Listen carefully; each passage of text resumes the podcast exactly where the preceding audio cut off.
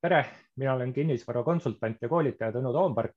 eetris on järjekorras nüüd juba seitsmeteistkümnes kv.ee kinnisvara podcasti osa. tänane, tänane külaline on Uusmaa ärikinnisvara osaühingu juhatusele, juhatuse liige Eduard Sorokin. tere, Eduard. tervist kõigile. aga plaan siis, kui juba sõna ärikinnisvara võis vihje anda, on ärikinnisvaraturg ja see, mis seal toimub aga alustuseks, Eduard, ole hea, räägi paari sõnaga, mis su igapäevane töö on ja, ja mis sa, mis sa siis äh, teed üldse, jah? Äh, jah, peale selle, et ma olen juhatuse liige, siis äh, tegelikult oma põhitegevuselt olen ma siiski maakler ja olen alati ennast maakleriks pidanud. et minu, minu ajus ei ole maakler sõimusõna, vaid pigem vastupidi, selline staatuse sümbol heas mõttes ma juhin kaubanduse ja büroopindade äh, osakonda äh, Uusmaa ärikinnisvaras.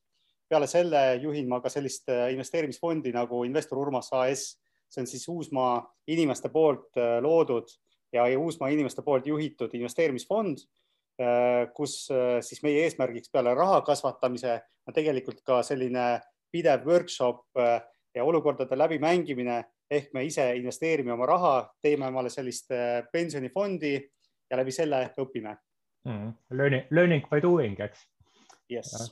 Äh, aga väga hea, et äh, plaan oli siis see, et käsitleks erinevaid kinnisvaraturu, ärikinnisvaraturu segmente ja vaataks, mis ühes või teises tähtsamat juhtunud on või juhtumas on, et kui alustaks büroopindade turust, mis sa siin peaksid kõige olulisemaks täna välja tuua? No äh, positiivse poole pealt äh, nimetaks võib-olla seda, et on käimas hästi palju arendusprojekte äh,, on tulemas väga suured äh, mahud turule. et kui rääkida numbritest, siis aastal kaks tuhat kakskümmend üks tuleb turule circa kolmkümmend tuhat ruutu äh, büroopinda äh,, võib-olla nõksa rohkem, et, et järgmisel aastal, kaks tuhat kakskümmend kaks, on turule tulemas üheksakümmend viis tuhat ruutmeetrit büroopinda. meeletu maht, see on kolm korda suurem, kui on käesolev aasta. Ja selle aasta selline noh, võrdlemisi väike maht on tingitud siis äh, viimase, viimase aja arengutest siin koroonast, kui paljud projektid pandi stoppama, nõudlus langes ja nii edasi, et ütleme, et noh, äh, pluss on veel torus üle kahesaja tuhande ruutmeetri äh, büroopinda, mis on planeeritud siis valmima aastani kuni kaks tuhat kakskümmend kolm. kas nad nüüd realiseeruvad see on omaette küsimus, et siin on hästi palju faktoreid, mis, mis seda mõjutavad.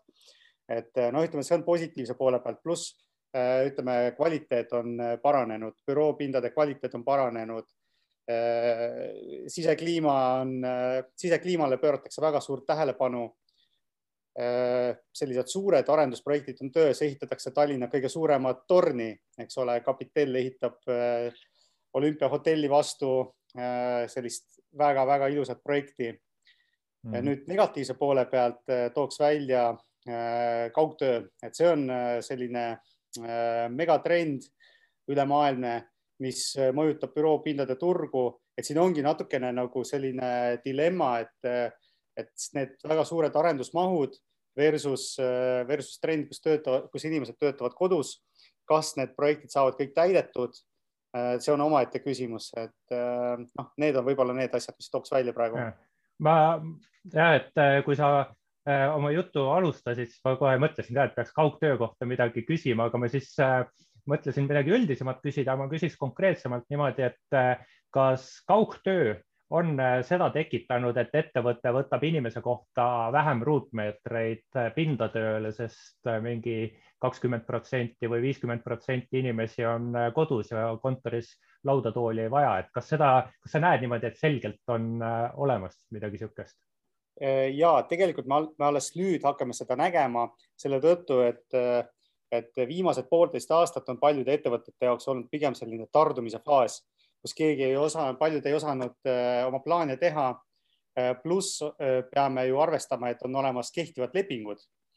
ehk siis ehk siis nüüd hakkavad need lepingud vaikselt lõppema, mis saab edasi ja me näeme, et tegelikult büroopindade vajadused vähenevad, et sektorid, mis kasvavad, on IT, meditsiin, nende ruutmetraaž suureneb.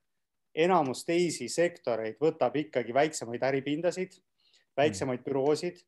Eh, aga kvaliteetsemat pinda mm.. ehk siin on ka samamoodi, ütleme üks trend, mida me tunnetame, et selline B ja C klassi büroopind on kogu selles äh, koroonapandeemia tingimustes on kaotaja. ettevõtted, kes kolivad suurematelt pindadelt väiksematele, reeglina võtavad väik väiksema ja kvaliteetsema pinna. kas see tähendab ka kallima? loomulikult, loomulikult need asjad käivad käsikäes mm. aga mis siis äh, üürihinnad, üürihinnad teevad, kuhu poole liiguvad? praegu on üürihinnad olnud stabiilsed, et äh, väga suurt kukkumist ei ole olnud. Äh, see on tingitud ka sellest, et ütleme, sellist uut A-klassi büroohoonet on võimatu välja üürida hinnaga alla, ütleme mingisugune kriitiline piir seal kolmteist kuni viisteist eurot ruutmeeter. alla mm. selle muutub projekt lihtsalt kahjumlikuks ja ei saa mm. sellele ei finantseeringut ega ka omanike heakskiitu. Et see on see piir. Äh, on olnud stabiilsed hinnad. Äh, mis saab edasi, seda ei tea, sellepärast et üks trend on ju ka ütleme ehitusmaterjalide kallinemine ja ehitusmaterjalide defitsiitsus, noh, rääkimata mm. maa hinna tõusust ja kõigest muust, eks ole, inflatsioonisurvest, siis äh, tegelikult võib see kasumlikkuse piir vaikselt-vaikselt nihkuda veelgi ülespoole mm. -hmm kui me siit büroopindade juurest hüppame kaubanduspindade juurde, siis inflatsioon ja sisendkulude kasv on äh, kaubanduspindade turgu ka mõjutamas samamoodi, eks, et mis kaubanduspindade turul on tähelepanuväärselt juhtunud, juhtunud või juhtumas? no absoluutselt.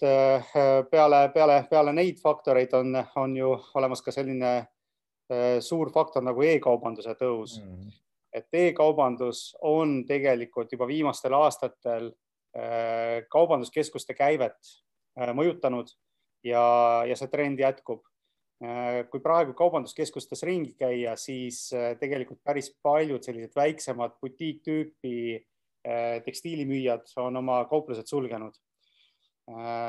kahjuks või õnneks see jätkub ja kaubanduskeskused, noh, nii kuidas meie seda näeme ja kuidas teised eksperdid seda näevad, on muutumas pigem sellisteks multifunktsionaalseteks ärihooneteks, kus on siis suurem selline äh, ütleme, elamusmüügi osakaalu tõus, äh, kus ongi erinevad, mis iganes raamatukogud, äh, avalikud teenused ja, ja mm. muu selline.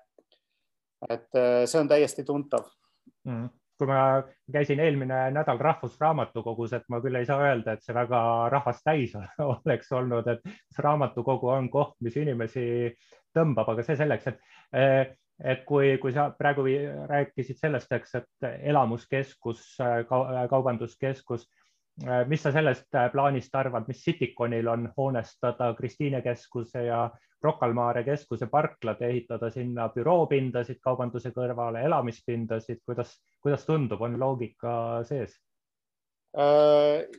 ikka on, äh, selles mõttes need on ju, äh, need on ju keskused äh, mitte ainult kaubanduskeskuse kontekstis, vaid äh, sellise kliendi traffic'u kontekstis, need on suured ristmikud mm. -hmm. Need on suured elamupiirkonnad ja ehitada sellisesse piirkonda juurde bürood Äh, kaubandus, teenuspind te,, teeninduspindasid on igati loogiline samm. Hmm.. see on kauba... selline linna tihendamine. Hmm.. kuidas kaubanduskeskuste teemat ja üldse kaubanduspindade teemat võiks mõjutada pimepoed ja, ja see, et ma tellin omal äh, mingid, mingid kaubad siis äh, koju ja ega ma ei, mind ei huvitagi, kustkohast kaubad liikuma hakkavad kindlasti, kindlasti see, kindlasti mõjutab see äh, selliste klassikaliste toidupoodide või supermarketite käivet.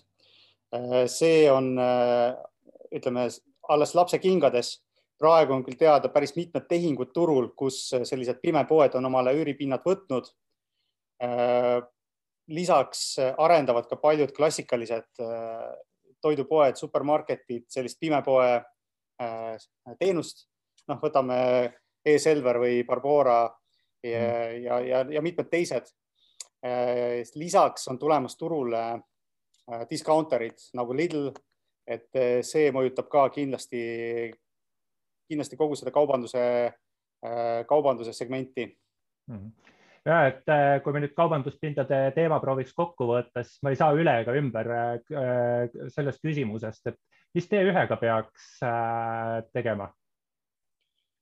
T1, T1 ostab lõpuks ära keegi operaator, kes teeb sinna kaubanduskeskuse, et mina olen endiselt seda usku, et T1 asukoht on pikas perspektiivis väga hea kaubanduskeskuse asukoht. sinna tuleb kõrvale Rail Baltica terminal, sinna tuleb traffic ja ärme unusta, et me elame ikkagi sellises kliimas, kus ütleme alates siin täna paistab päike, aga septembri lõpust kuni ütleme sinna märtsi lõpuni on ikkagi väga jahe ebameeldiv õues olla ja kaubanduskeskus on selline, kuidas ma ütlen, avalik ruum, kliimakontrolliga avalik ruum. ja mina usun, et Eestis on ruumi kaubanduskeskustele ka jätkuvalt. ongi nende funktsioon pisut muutub ja T1 on kahtlemata väga hea asukohaga äh, keskus. No praegune pea, hind peaks olema kuuskümmend viis miljonit, tahad öelda ka, et mis hinna sa prognoosid, et niimoodi õunte pealt vaadatuna? ei, ei hakka prognoosima, ei, ei tea. okei, okei, et äh, läheme siit siis edasi äh,. järgmine teema, hotellid ja majutus äh, see on, see on vast äh, võib-olla valdkond, mis koroonast kõige rohkem äh, sai mõjutatud. Äh, kuidas, kuidas siin asjad arenevad, on meil mõni hotell ka juurde kerkimas? No siin vahetult enne koroonat oli, oli ju kolm hotelli arendust plaanis. üks oli Novotel sinna Pordi tänavale, selline aparthotell tüüpi.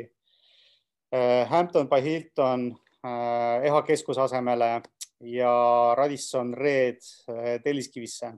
et äh, ma ei tea, kuidas Hiltoni ja Radissoniga äh, lood on, tundub, et praegu on need lood pausil. See Novotel, sealt on justkui mingeid signaale olnud, et selle projektiga liigutakse edasi. muidu on loomulikult täituvused vähenenud kõikides hotellides, kui varasemalt olid siin Eestis keskmiselt selline seitsekümmend protsenti täituvus, täna on ju suurtel hotellidel täituvus kakskümmend protsenti, kui sedagi.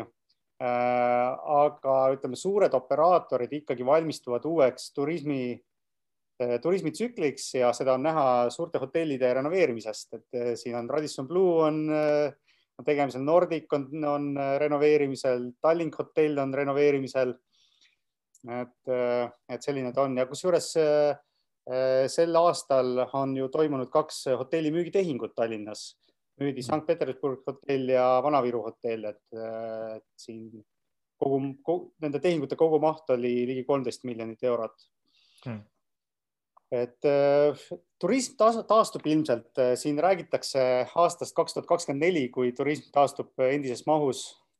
aga hotelliäri on nii pika, pikaajaline, pika perspektiiviga business, et et, et siin ütleme suurte hotellidega ilmselt mingisuguseid kiireid liigutusi ei tule. kas me võime öelda, et hotellid, hotellindus, majutusäri, see on ikkagi veel äh, koroonast tingitud äh, mõõnas, erinevalt näiteks äh, kaubanduskeskustest, büroodest?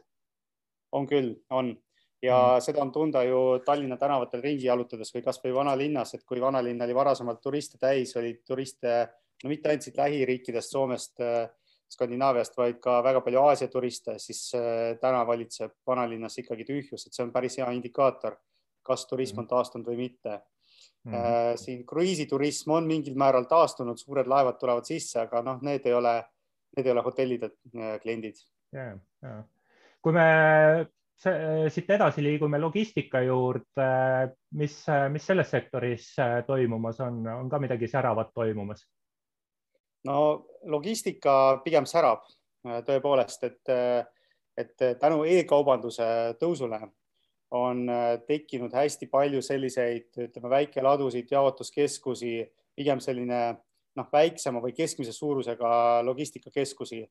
on ka, on ka mõningad suured, suuremad arendamisel ja on ka siin müügitehinguid toimunud.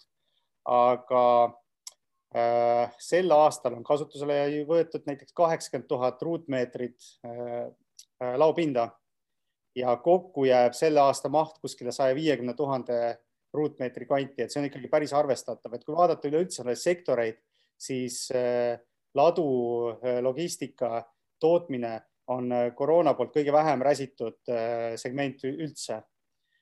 et pigem positiivne, et mis mis trend on tunda, on ütleme suured, suured tootmised ja selline suur laondus, et see äh, ei arene nii kiires tempos, kui, kui areneb väikese keskmise, keskmise suurusega logistika ja laondus. selle tõttu, et meil ei ole suurtootmisi. kui üheksakümnendatel outsource isid näiteks Soome ettevõtted väga palju sellist tootmist Eestist, siis täna seda enam ei ole, kuna meie hinnatasemed on lihtsalt jõudnud noh, nii kõrgele, et see ei tasu ennast ära tellijale. kuidas, kuidas nüüd edasi läheb, seda ei tea üleüldiselt äh, räägitakse maailmas ju tarneahelate lühendamise vajadusest ja sellisest, ütleme, globaalse, äh, globaalsete tarneahelate lokaliseerimisest.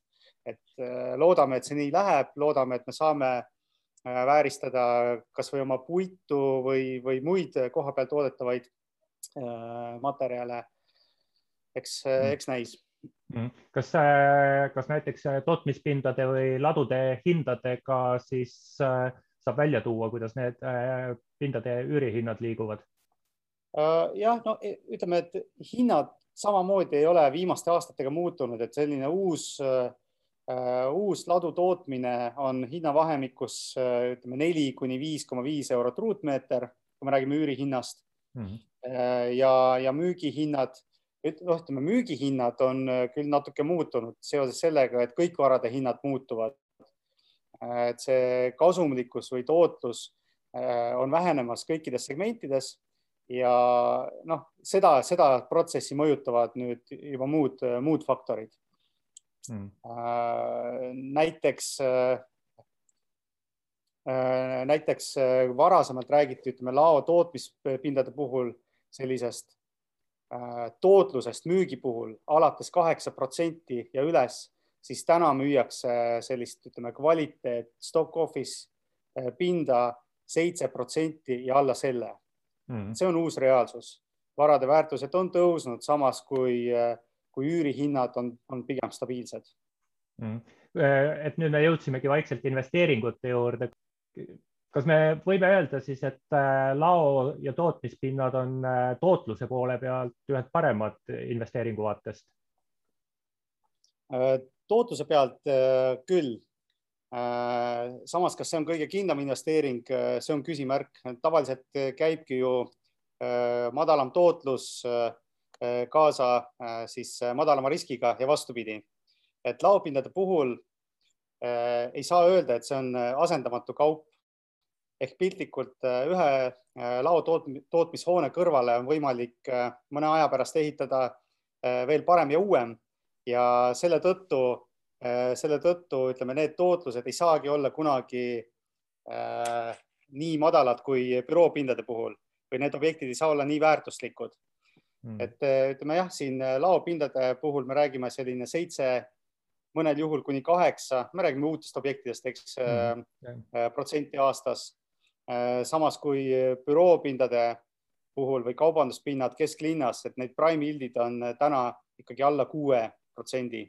see on uus reaalsus, millega paljud äh, äh, investorid ei ole suutnud kohaneda, opereeritakse ikka nende vanade numbritega, räägime seal kaheksa protsenti ja seitse protsenti ja otsime äh, büroomaja kesklinnas. see ei ole täna reaalne. olukord on muutunud nagu siin varasemalt ütlesin, on üürihinnad olnud viimastel aastatel pigem stabiilsed samas kui varade väärtused on äh, teinud olulise kasvu. Hmm.. aga mm, kes on tänased investorid, kas tänased investorid, kes siis tahavad äh, kas seitsme, kaheksa või viie-kuue protsendise tootlusega kesklinna büroopinda osta, kas nad on kohalikud investorid, on nad Pan-Baltic tegelased või, või hoopis midagi muud? Äh, investoreid on erinevaid ja viimastel aastatel on tunda ka selline, äh, selline tendents, et erinevate eluvaldkondade äh, nii-öelda esindajad äh, toovad oma, oma kapitali kinnisvarasse. et see on selline kapitali allokeerimine. noh, piltlikult kõik, kellel raha üle, soovivad midagi osta ja paigutada raha. vähenenud on ida poolt tulevate investorite ostuhuvi Äh, seoses ütleme piirangutega, pangapiirangutega, finantseerimispiirangutega. kohalikud fondid ostavad suurelt kokku, kasvavad varsti väga-väga suureks, et mitte ainult ärikinnisvara ei paku neile huvi, vaid ka kohalikud fondid on liikunud tegelikult ka ütleme elu, elukondlikusse kinnisvarasse, et ostetakse terveid maju, terveid kvartaleid ja siin on ka võib-olla üks asi, mida, mida, mida tooks välja, et äh, kuna ehitushinnad on kasvanud ja see elamispinna kättesaadavus eraisikule on äh, langemas, siis tegelikult äh, võime varsti leida ennast olukorrast, kus, kus, kus, kus ütleme, eraisik ei saagi endale korterit lubada, vaid kõik asjad ostetakse nii-öelda fondide eest, fondide poolt eest ära kas see on hea tendents või halb, no ma ütleks, et pigem on see, on see mõnes mõttes ohtlik, äh, seda tasub jälgida. Äh, ma ei ole suur regulatsiooni pooldaja. pigem toetan sellist vaba liberaalset majandust, aga me peaksime ikkagi jälgima seda, et meie inimesed saaksid omale eluasemed osta. jah, ma olen sellega väga nõus mm aga, aga võib-olla siit äh, investeeringute juurest läks äh, edasi, tahad sa paari sõnaga veel, veel investor Urmasest rääkida ehk Kuusmaa investeerimisfondist, mis tüüpi varad sinna panete ja mis teie tootluse ootus on? ja hea meelega. Äh, meie, meil on olnud kaks sellist raha tõstmise vooru. mõlemad on olnud edukad ja meie ettevõtte struktuur on selline, et otsuseid võtab vastu seitsmeliikmeline nõukogu. sinna nõukogusse kuuluvad siis oma äh, ala tippspetsialistid, äh, analüütikud, hindajad, maaklerid, ettevõtte juhid, aga ka kõige suuremad aktsionärid. Äh, ja meie oleme praegu keskendunud ikkagi sellistele uutele varadele, pigem sellised A pluss klassi kaubanduspinnad, tänava tasapinna kaubanduspinnad uutes projektides noh, võib siin nimetada siin Veerenni projekt, eh, Noblessner eh, ja mõned teisedki üle, üle linna. Need pinnad on olnud vastupidavad ka sellele koroonasurvele. meie fond on, on edukas, kasumlik ja võtsime vahepeal ka ühe flip projekti, renoveerisime ühe korteri Soo tänaval puumajas. homme on tehing notaris äh, müügitehing, et siis saab, äh, siis saab sellest äh, ehk mõnes järgmises saates natukene täpsemalt rääkida mm. -hmm. praegu meie bilansi maht ligi miljon eurot. esimene miljon paistab. ja plaanis on juba järgmine aktsiaemissioon, mis toimub jaanuaris. et siis saame, saame oma järgmised projektid ka sinna ära finantseeritud. meie keskmine tootlus on äh, seitse protsenti, äh, seitse kuni kaheksa, ütleme äripindade puhul. ja selle flip projekti puhul äh, tuleb loomulikult suurem tootlus, aga seal on ka suurem risk mm. -hmm. meie projektid on finantseeritud panga poolt ja see siis annab sellise omakapitali tootluse noh, oluliselt kõrgema kui see seitse-kaheksa Äh, kui me algselt selle fondi lõime, siis meie eesmärk oli kasvatada investorite äh, vara vähemalt kaheksa protsenti aastas. et noh, julgen öelda, et see on vähemalt kaks korda ületatud tänaseks mm, -hmm. see number. jah, et äh, noh, selle peale, mis ma muud oskan öelda, et kui punt spetsialiste on koos, siis miks, mis on põhjus, et mitte niisugust ühist investeerimispuuli kokku panna, et kõlab, kõlab ju väga-väga mõistlikult. aga, aga hakkaks meie jutuga kuhugi lõpupoole tüürima. et võib-olla, kas oskaks mingit paar niisugust äripindade turu, kas siis kitsamat või laiemat, kõige olulisemat trendi välja tuua, et mis meie saate kuulaja-vaataja võiksid kaasa võtta? tooksin välja kaks asja. number üks, millest oli juba juttu, büroo pinnavajadus ettevõtetel väheneb ja ilmselt ei taastu see endisele tasemele. see tähendab seda, et BC klassi büroo pindade omanikud peaksid kas üle vaatama oma majade funktsiooni, tegema korteriteks, loftideks, mis iganes. ja A-klassi büroopindade omanikele annaks soovituse üle vaadata lepingu pikkused. et see on tänapäeva maailma selline tuntav trend, et lepingu pikkused vähenevad. vanasti me rääkisime selline viis kuni seitse aastat oli miinimum, siis tänases olukorras, kus ettevõtted kasvavad, kahanevad nii kiiresti, pluss kõik need äh, X-faktorid, äh, siis selline uus, äh, uus reaalsus või uus standardlepingu pikkus, millest tahetakse rääkida, millest kliendid tahavad rääkida, on kolm aastat. See on, see on üks asi, mida võiks välja tuua. Ja teine on siis seesama tootluste temaatika, et oled sa suurinvestor või väikeinvestor, tootlused on langustrendis, tootlused on langustrendis üle maailma. USA-s, Aasias, Euroopas, igal pool. Ja see ongi tingitud sellest suurest rahamassi pealetulekust, nendest niinimetatud rahatrükiprogrammidest võlakirja ostuprogrammidest. Äh, see poliitika jätkub ja varade väärtused sellega seoses jätkavad kasvu. Äh, vaadake üle oma tootluse ootused, unustage ära kaheksa ja kümme protsenti, võtke sihikule viis ja seitse mm. -hmm võib-olla ma oma, omalt poolt, mis ma äh, su jutust välja noppisin, lisaks selle mõtte ka, et kinnisvaraturg on väga inertne ja see, et meil eelmise aasta märtsis, poolteist aastat tagasi eriolukord tuli, siis selle mõjud kinnisvaraturule eh, on alles jõudmas ja, ja mingi hulk neid on eh, veel, veel tulevikus tulemas just seetõttu, et, et kuskil on ettevõtted alles kindlustunnet uue olukorra suhtes saavutamas ja, ja mingid lepingud on alles lõppemas, mille järel hakatakse üle vaatama oma kas pinnavajadusi või asukohavajadusi, et, see ma arvan, ka üks äh, päris, päris hea asi, mis siit äh, kaasa võtta. aga, aga tundub, et, et aeg on ka sinnamaani jõudnud, et äh, võiksime jutuotsad kokku võtta. täname kõiki kuulajaid, et pühendasite oma aega meile. rääkisime äripindade turust, sellest, mis erinevates äripindade sektorites toimumas on Uusmaa ärikinnisvara OÜ juhatuse liige Eduard Sorokin avas oma, oma mõtteid ja mina olen kinnisvarakonsultant ja koolitaja Tõnu Toompark. soovin kõikidele vaatajatele, kuulajatele äh, kena äh, septembrikuud, sügi, sügise algust ja kohtume järgmine kord, kõike head. ja edu äris